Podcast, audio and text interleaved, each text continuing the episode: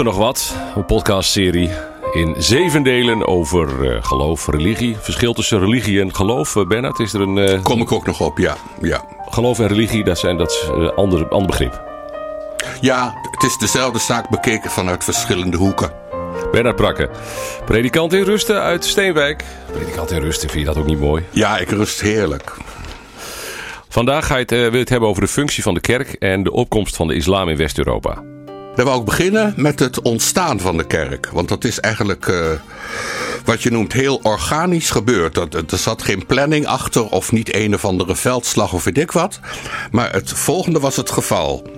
Uh, in het Romeinse Rijk had de Joodse godsdienst een vrij goede naam. Uh, de Joodse mensen die uh, overal in het Rijk woonden, vooral in de steden, die zorgden goed voor elkaar en er was een samenhang. En er was ook veel belangstelling eigenlijk vanuit de niet-Joodse wereld, wat dat Joodse geloof toch wel kon betekenen. En dan gebeurt er ineens iets uh, iets van een crisis. Er is een jonge man die heeft een leer, die verkondigt die. Heeft le leerlingen om zich heen. Dat is helemaal niet zo bijzonder. Dat was veel vaker het geval. Maar dat eindigt in een drama. Hij wordt uh, opgepakt en verhoord. En hij wordt beschouwd als politiek gevaarlijk. En er wordt aan zijn leven een einde gemaakt. Nou zou je denken dat was dan weer dat. Maar deze dingen die ik nu noemde, die zijn de aanleiding geweest en de voedingsbodem uh, voor het ontstaan van de christelijke godsdienst. Hoe is die ontstaan? Vanuit het Jodendom. Uh, heeft men een soort verbouwing laten plaatsvinden om de Joodse religie uh, bereikbaar te maken voor niet-Joodse mensen in heel het Romeinse Rijk. En daar was veel behoefte aan. Met name was er behoefte aan dat mensen elkaar konden vertrouwen en niet elkaar slachtoffer zouden worden. Het christendom verbreidde zich. Aanvankelijk was er geen enkele sprake van het bouwen van kerken. Ze wisten niet eens wat het was. Maar men kwam bijeen in privéhuizen. En uh, dat waren dus mensen die wat ruim woonden. En die konden dan de gemeente ontvangen. En die kwam dan wekelijks bijeen. Um, ook is bekend dat in Rome, ook in hofkringen, uh, al voor het einde van de eerste eeuw uh, belangstelling bestond voor het christendom en voor de figuur van Jezus. Nou, wat zie je dan? Dat de ene godsdienst komt uit de andere voort. Het lijkt wel alsof we te maken hebben met een, uh, met een, zeg maar een appelboom, waarvan je de, de, uh, alle takken uh, afzaagt. En er is er alleen nog een stronk en die komt net boven de aarde uit. En als je dan maar lang genoeg wacht, dan komt er weer opnieuw een appelboom. Of je kunt die stronk gebruiken om daar een klein zaailing van de appel in te planten. En dat die dan gebruik maakt van zijn wortels, die er al waren. En dat die zo groeit. Wat nu betreft het, uh, de islam. Die is dus niet uit het jaar nul, zoals het christendom. De, onze jaartelling uh, gaat erop terug. Maar de islam is ontstaan ongeveer in 620 plus van onze jaartelling. Dus het jodendom was er al en het christendom was er al. En toen kwam de islam. En als je het nou vergelijkt met de wordingsgeschiedenis van het christendom, dan moet je zeggen, ook hier was sprake van iets wat niemand had gepland, maar wat op een gegeven moment toch als het ware uit de hemel kwam vallen. Uh, Mohammed, een koopman uit Mekka, die uh, kreeg ingevingen en die kreeg het idee dat hij de Arabische volkeren op dezelfde niveau wilde brengen als het Jodendom en het Christendom. Hij heeft aanvankelijk gedacht dat dat wel met een, een soort fusie zou kunnen gaan, maar de Joden en de Christenen die hadden weinig belangstelling. En toen is hij maar, om zo te zeggen, voor zichzelf begonnen. Binnen 100 jaar had hij uh, heel Noord-Afrika en heel wat uh, landen in het Midden-Oosten had hij onder zijn invloed gebracht. En de navolgers van Mohammed, die hebben daar het hunne aan bijgedragen. Kun je nu zeggen dat de islam een, uh, een plant is die is voortgekomen uit twee andere planten, namelijk Jodendom en Christendom. En dan naar behoefte van de aanhangers weer veranderd, zodat het beter zou aansluiten. Ik denk dat je dat kan zeggen. Uh, daarna, zoals we vorige keer hebben gezien, heeft het christendom uh, een aantal malen de bedreiging van de islam ondergaan. In de 7e eeuw, in de 15e eeuw. Het was kantje boord, ze waren, stonden voor de poorten van Wenen. Maar dat is afgeslagen en voorlopig hebben die twee godsdiensten toen verder hun eigen leven geleefd. Alleen moet ik nog zeggen dat in de Balkan, Oost-Europa, dat daar de invloed van de islam sterk is gebleven.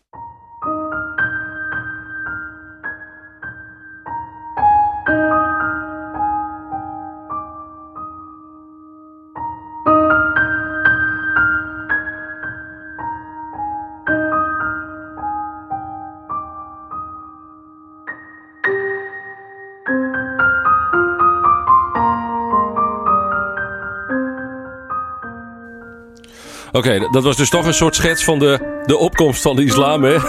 En een geschiedkundige, uh, geschiedkundige uiteenzetting over het ontstaan van het christendom en, het, en de islam. Uh, ja, nou kunnen we het even bij dit onderwerp houden of we het toch even hebben over de functie van de kerk. Had je nog meer over die opkomst van de islam? En de, en de, nee, ik hoe dat nu. Dat wou ik nu afsluiten. Ik kom straks over de islam de afgelopen 50 jaar. Maar ik denk dat ik eerst terug moet naar de kerk. Uh, wat de christelijke kerk voor functie heeft gehad in de tijd van haar ontstaan. Het waren Joodse bouwstenen, maar nu niet toegepast voor Joden alleen, maar voor alle volkeren. Iedereen kon daar uh, uh, als het ware bijkomen. De bouwstenen van het geheel, die waren Joods.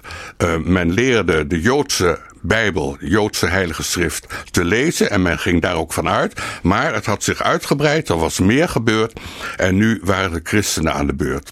Het leven en werken van Jezus van Nazareth hebben een grote invloed gehad op de inspiratie van heel veel mensen in het Romeinse Rijk. Wat was er in dat Rijk aan de hand? Daar werd van alles geregeld en bestuurd, maar de mensen hadden, zoals je tegenwoordig ook wel hoort, niet het gevoel dat ze zelf daarin vertegenwoordigd waren. Het Romeinse Rijk ging zijn gang, het had zo zijn methode, maar heel veel mensen raakten daarin zichzelf kwijt. De Romeinen waren niet dom, die hadden een eigen leger opgebouwd. En op den duur was het noodzakelijk om mannen van de overwonnen volkeren om die bij dat leger in te lijven. En dat deden de Romeinen heel slim. Als je als het ware overwonnen was in uh, Parijs, dan werd je geplaatst in Damascus als militair. Dus je werd eerst militair gemaakt, dan werd je ingelijfd in het Romeinse Rijk en dan werd je heel ergens anders geplaatst dan je ooit gewoond had. Dat leverde heel veel gevoelens van vervreemding uh, op. Er, was, er waren geen communicatiemiddelen, er was geen telefoon of wat dan ook. Dus die mensen die, die maakten mee dat ze van hun familie afgesneden waren en daar nooit meer wat van hoorden.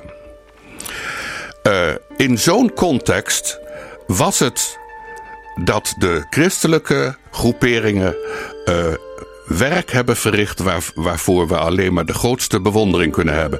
Juist de christenen hebben in navolging van hun meester heel vaak die uh, vaderlandsloze militairen opgevangen en daar uh, sociale dingen voor georganiseerd, zodat die mensen weer het gevoel kregen dat ze erbij hoorden. Eigenlijk is de hele geschiedenis wel samen te vatten met die ene vraag: hoor ik erbij of hoor ik er niet bij? Een godsdienst, een religie, is dan ook altijd bezig om de mensen het gevoel en de ervaring te geven: je hoort erbij, je bent bekend, jouw leven is niet zinloos, maar het wordt door God en door de mensen gezien en daarom kan je zelfvertrouwen hebben. En op jouw beurt ook weer vertrouwen in andere mensen.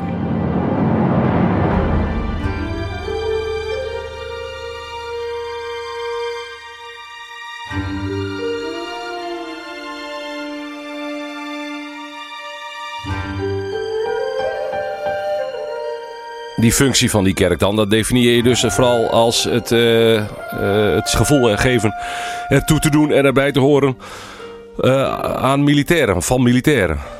Dat zie je al in beginsel gebeuren in het evangelieverhaal zelf.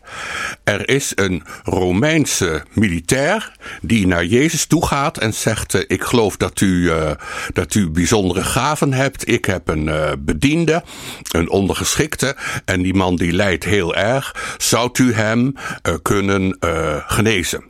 U hoeft echt niet naar mijn huisje te komen. U kan het misschien ook wel op afstand van hieruit. En dan, dan zegt die Romeinse hoofdman: Ik ben niet waardig dat u onder mijn dak komt, maar spreek slechts een woord en, en mijn knecht zal gezond worden.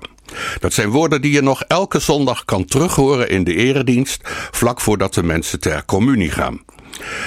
Uh, die Romeinse uh, militairen die stonden er dus helemaal niet zo slecht op. Uh, je moet je voorstellen, zo'n gemiddelde Romeinse militair die vond het ook maar zo zo dat hij de dienst had die hij had. En die, die leefde, die werkte vermoedelijk niet in de streek waar hij veel mensen kende. Nu, de opvang van deze militairen, de, de, de kracht om niet iets negatiefs in, in ze te zien, namelijk bedreiging, maar om ze ook te zien als mensen, dat was waar het christendom van het begin in uitmunte. En dat vind je ook bij andere groepen, zoals daar zijn arme mensen die er weer bijgehaald konden worden, vreemdelingen, uh, vrouwen, kinderen, al die gemarginaliseerde groepen, die hebben in het beginnende christendom uh, heel veel hoop kunnen putten. Dat is eigenlijk mijn antwoord op deze vraag. Ja, ja. Maar goed, is dat de enige. Als, je, als jij een onderwerp aan, op, de, op de agenda zet als functie van de kerk. dan uh, leg je het nou wel heel geschiedkundig uit, hè? Ja, daar heb je gelijk in. Maar uh, daar is het vreemde van dat, dat een aantal mensen altijd de neiging heeft om, um, om de, de wording van de religie, van de, van de kerk, om dat uh, te verklaren met bovennatuurlijke termen, met, met, uh, met ingrijpen van ons lieve Heer.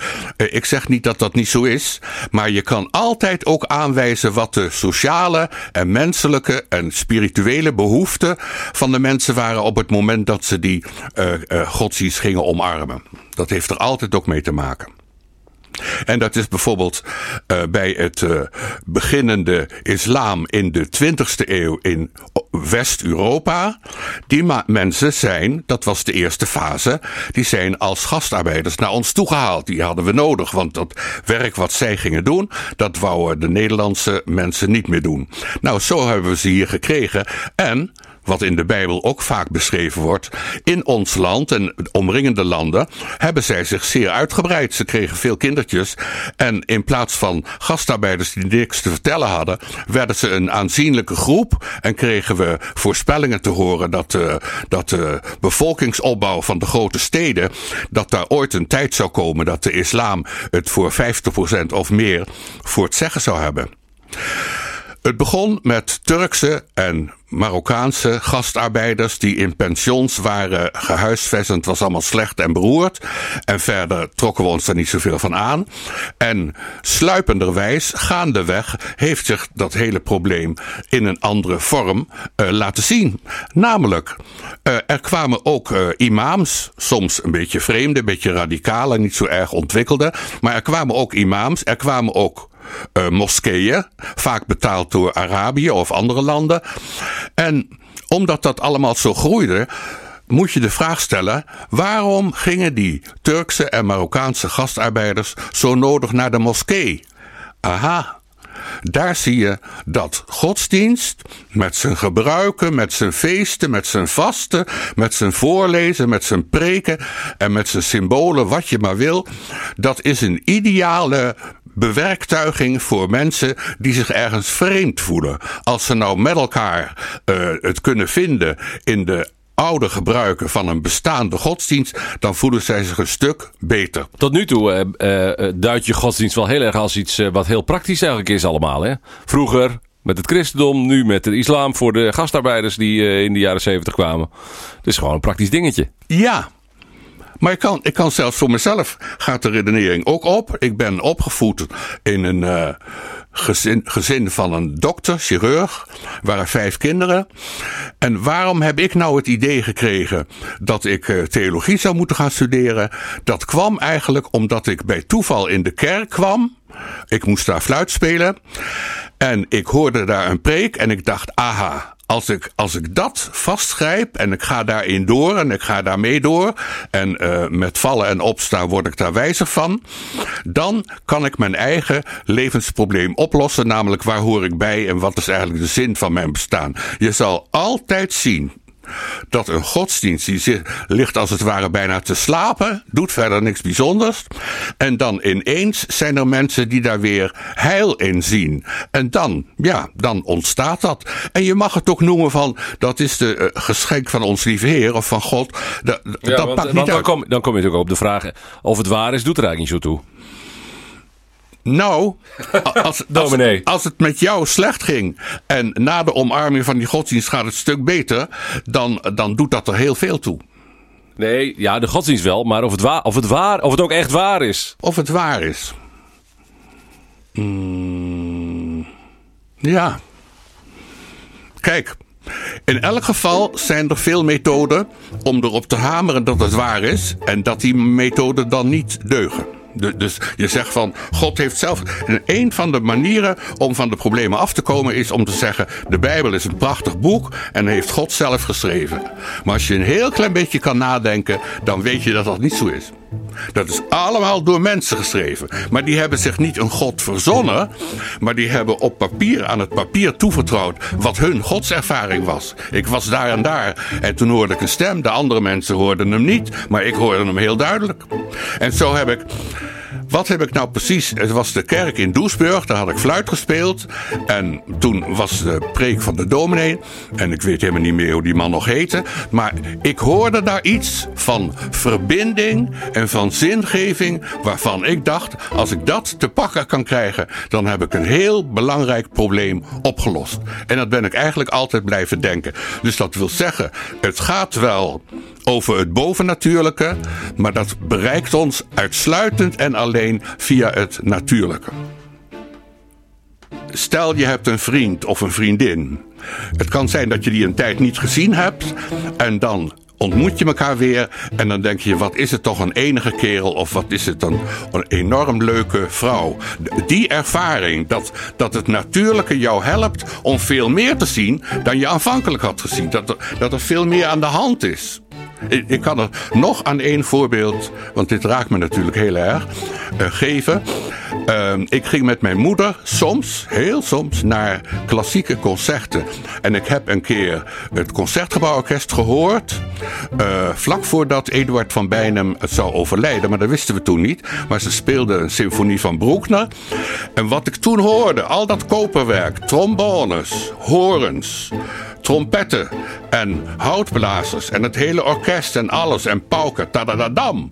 Dat, dat gaf mij een geweldig gevoel dat ik dacht, dit, dit, dit heb ik altijd willen horen. En eigenlijk wist ik dat dit ooit zou komen. Zo overweldigend is dat. En dat is nou, dat is nou de manier waarop onze lieve Heer of God tot ons komt dat, dat, dat er ineens een dimensie bij komt bij het natuurlijke. Wat, wat eerst een beetje ja, doorsneeachtig en niet zo bijzonder. Maar dat geldt ook. Uh, ja, ik heb net uh, de biografie van uh, Adèle Bloemendaal gelezen.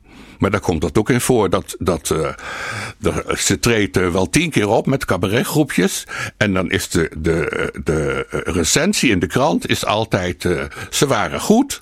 En mevrouw Bloemendaal die stak er weer met kop en schouders bovenuit. Wat is dat? Waarom is het zo geweldig? Omdat ze zo lang is? Nee, ze is, het, het is zo'n wonderlijke mengeling van, van stoutigheid en bedeesdheid en, en, en Amsterdamse gedachten en sferen. Um, ja, ik geloof werkelijk, ik kan het niet anders zien, dat het, dat het bovennatuurlijke ons altijd bereikt via het natuurlijke. Uh, dat heeft ons lieve Heer ook liever, want hij is voorlopig nog niet van plan om zichzelf in al zijn naaktheid onmiddellijk aan ons allemaal te laten. Dus het gaat altijd via via.